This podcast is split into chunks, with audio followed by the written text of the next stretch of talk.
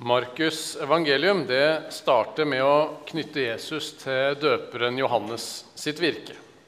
Kaster seg rett inn i fortellingen.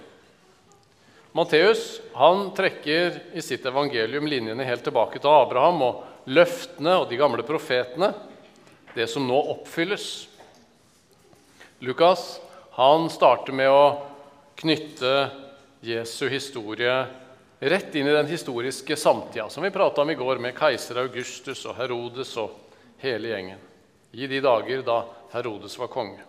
Det skjedde. Og så møter vi i dag den fjerde boka, Johannes sitt evangelium. Disippelen Johannes sitt vitnesbyrd om sin herre og mester. Og der møter vi ja, på mange vis noe helt annet. Vi møter en hymne, en kjærlighetens lovprisning, kanskje vi kan si, som sprenger alle tidligere rammer. La oss nå først reise oss, synge høytidsverset, og så leser vi evangelieteksten sammen etterpå.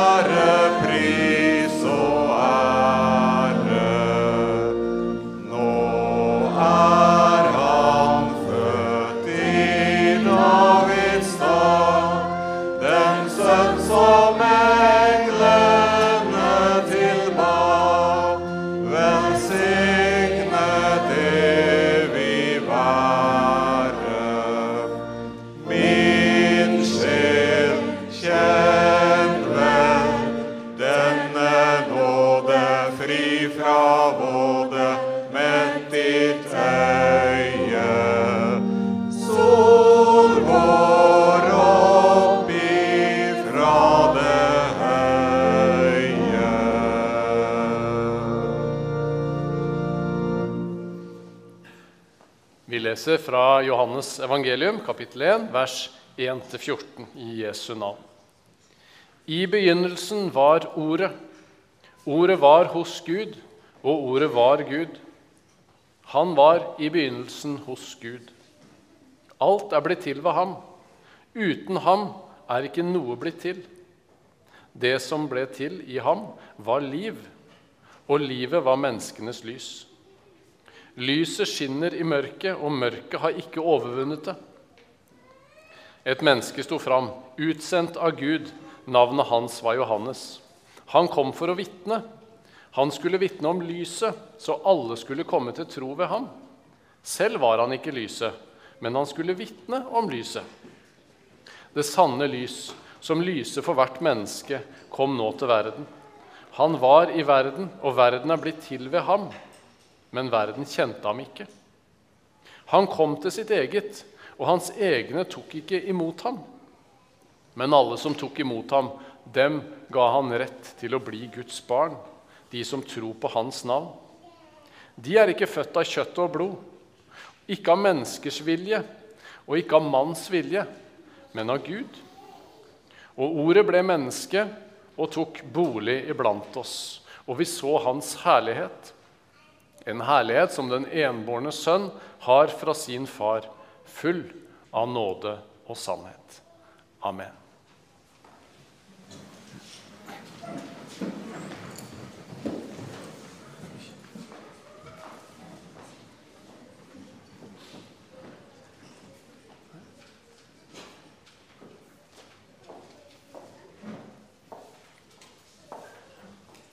Julaftens evangelium, som vi hørte i går, den trekker oss inn til krybbe, halm, sauer, barneskrik. Det blir så nært, det blir så virkelig, så jordisk.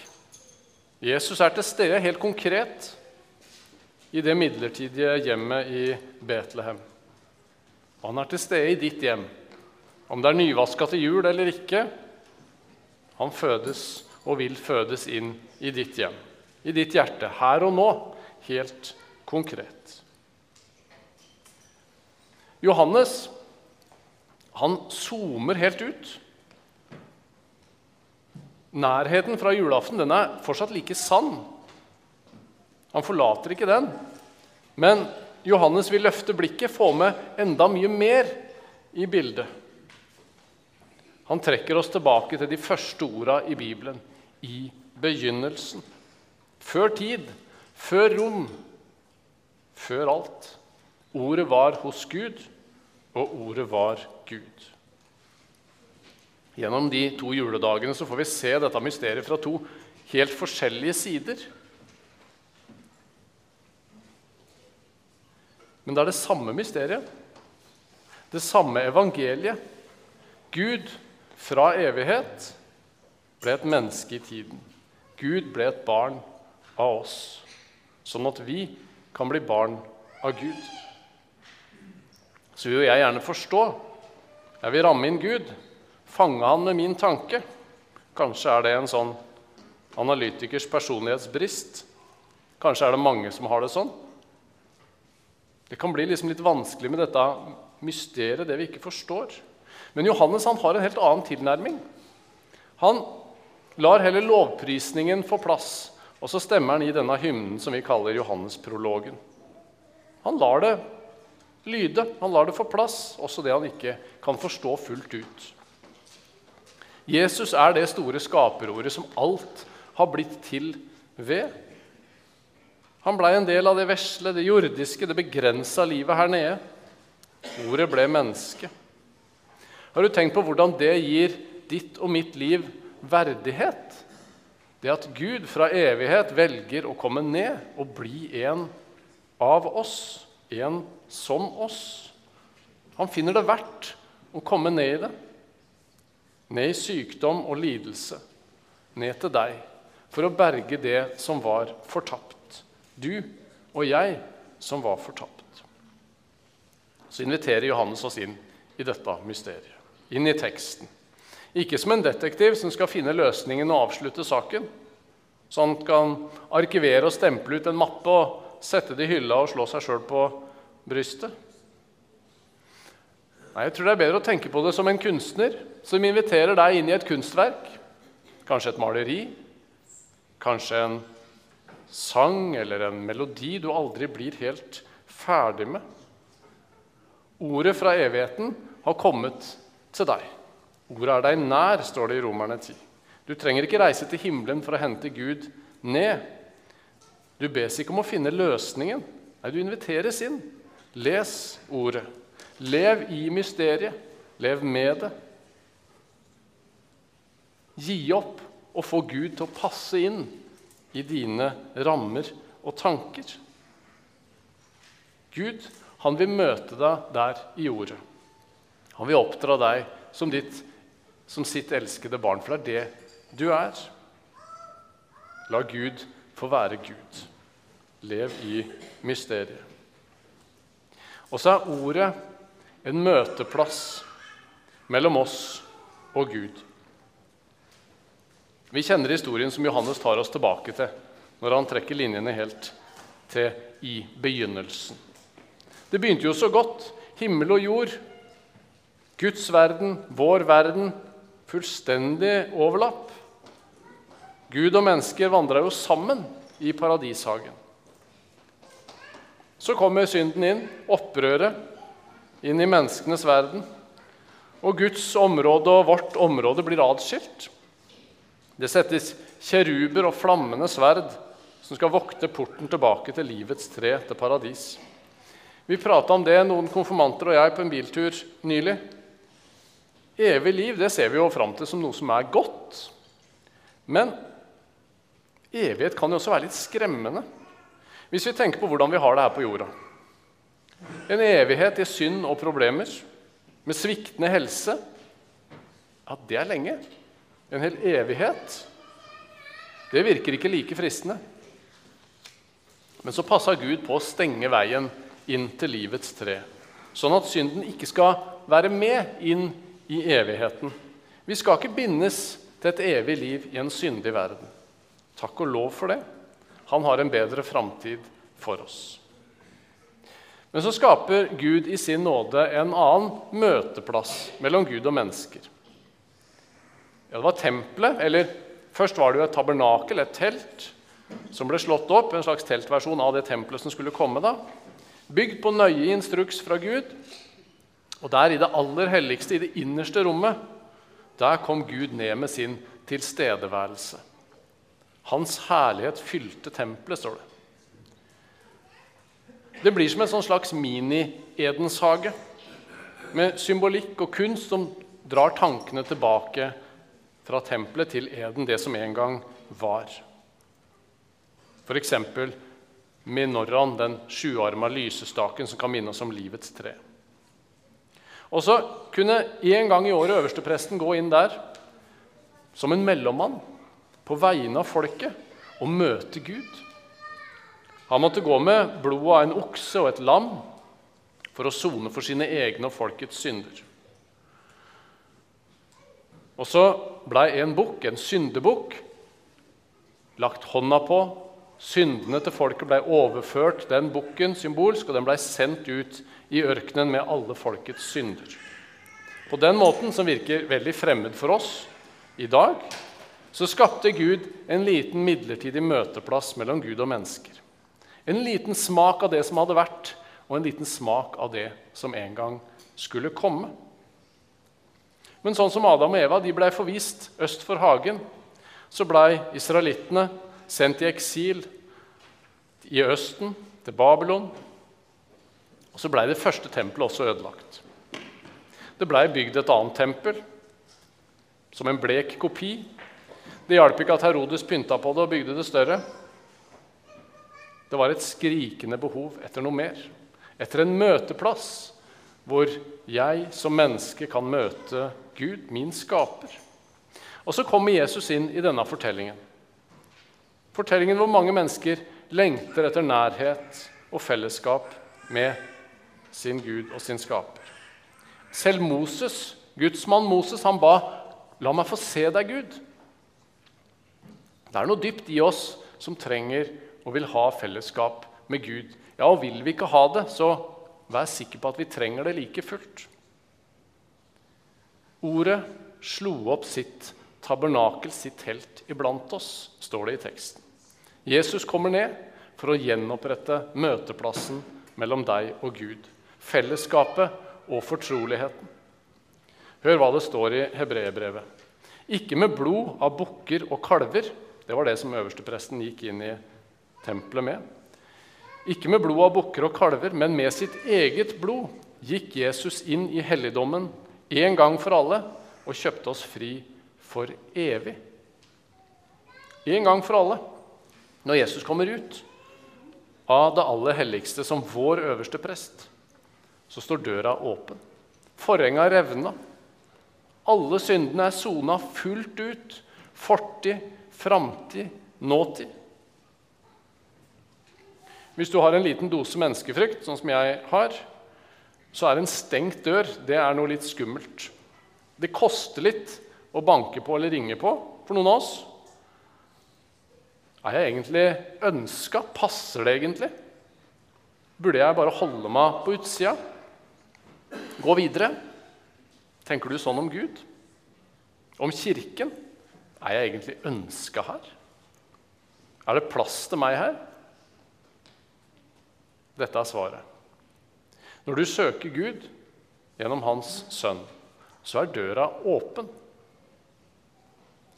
Jesus tok med alt vårt inn der, sona for det.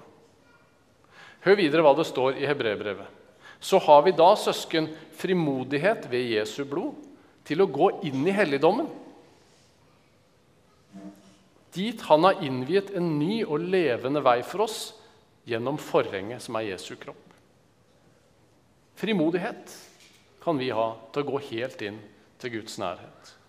Du er velkommen til Gud. Jesus betalte for syndene dine. Forhenget revna. Døra åpna seg. Du har audiens hos en hellig og allmektig Gud. Ja, han vil ta bolig i deg ved sin ånd. Ved Jesu blod, sto det. Altså ikke ved vårt blod eller ved våre gjerninger, kun ved hans soning. Du kan ikke komme med det meste eller nesten alt eller alt utenom til Gud. Det er alt. Ellers så er det ingenting. Det er ikke 90% Jesus og 10 meg. Alle syndene mine må legges på Jesus, og han vil ta alle syndene mine. Hele livet. Og så kan du vite at i han så eier du paradis. I Jesus så har du alltid fellesskap med Gud. Til sist så skal vi stoppe opp for noe som kjennetegner ordet. Guds ord. Det gjør virkelig. Det faller ikke tomt til jorda. Du har sikkert hørt begrepet 'tomme ord'. La oss si du rusler hjemover en kveld. Ja, kanskje jeg har vært på en bibelgruppe. da. La oss ta det eksempelet. Vi har prata om nestekjærlighet og, og mye fint. Og så rusler man hjem, og så ser man kanskje en som ligger i grøftekanten, banner og steiker og er full og kommer seg i grunnen ikke videre. Trenger åpenbart hjelp. Så ser man det kanskje litt tidlig, så man kan skjære opp på andre sida av veien og gå litt rolig forbi. Sånn som lignelsen om den barmhjertige samaritan. Kanskje du sier til deg sjøl til og med at ja, ja, ja, nei Ja, vi bryr oss jo om andre, vi, og du har kanskje sagt det allerede litt tidligere den dagen. Og så kommer man dit, og så går man bare forbi. Det er tomme ord. Det er ord som ikke blir virkelige. Det blir bare ord. De faller døde, livløse, rett i bakken. Vibrasjoner i lufta som ikke har noe substans. Sånn er det dessverre noen ganger med mye av det vi sier. Ikke bare politikere. Det er jeg også. Ja, Vi må virkelig ta et tak nå og gjøre noe med de og de, kan vi si. Så går vi videre og gjør andre ting. Sånn kan troen vår også bli. Tro på Jesus, men jeg vil ikke følge deg. Tomme ord, luftslott, tåkeprat, livløst. Når Gud snakker, la det bli lys, så skjer det han sier. Det blir lys. Guds ord skaper det som det sier. Guds ord kjennetegnes ved at det gjøres virkelig. Det blir virkelighet. Ordet ble menneske. Når Gud sier at han elsker deg, så er ikke det tomme ord. Det er ord som sender Jesus Kristus ned til jorda. På Golgata. Det er ord som sender Jesus lidelsens vei. Det er ord som leder til et oppgjør med synd, med død og med djevel. Sånn at Jesus kan si orda 'Det er fullbrakt', 'Det er ferdig'. Og det er altså ord som er virkelighet. Guds ord avslører hvem Gud er, skriver Theodor Svane, ortodokse pastoren i Oslo, er det vel i dagen for noen dager siden. Og våre ord avslører hvem vi er. Guds ord avslører hvem Gud er. Ordene blir til virkelighet. Det er sannhet. Han holder ord. Han er ordet. Han gir oss ordet, så vi skal få gi det videre. Så kan vi tvile, tenke ja, er det bare tomme ord, egentlig? Ja, så gir Jesus oss et synlig bevis. Han beseirer døden, står opp igjen og viser at orda om evig liv det er ord som også blir virkelighet for deg og meg.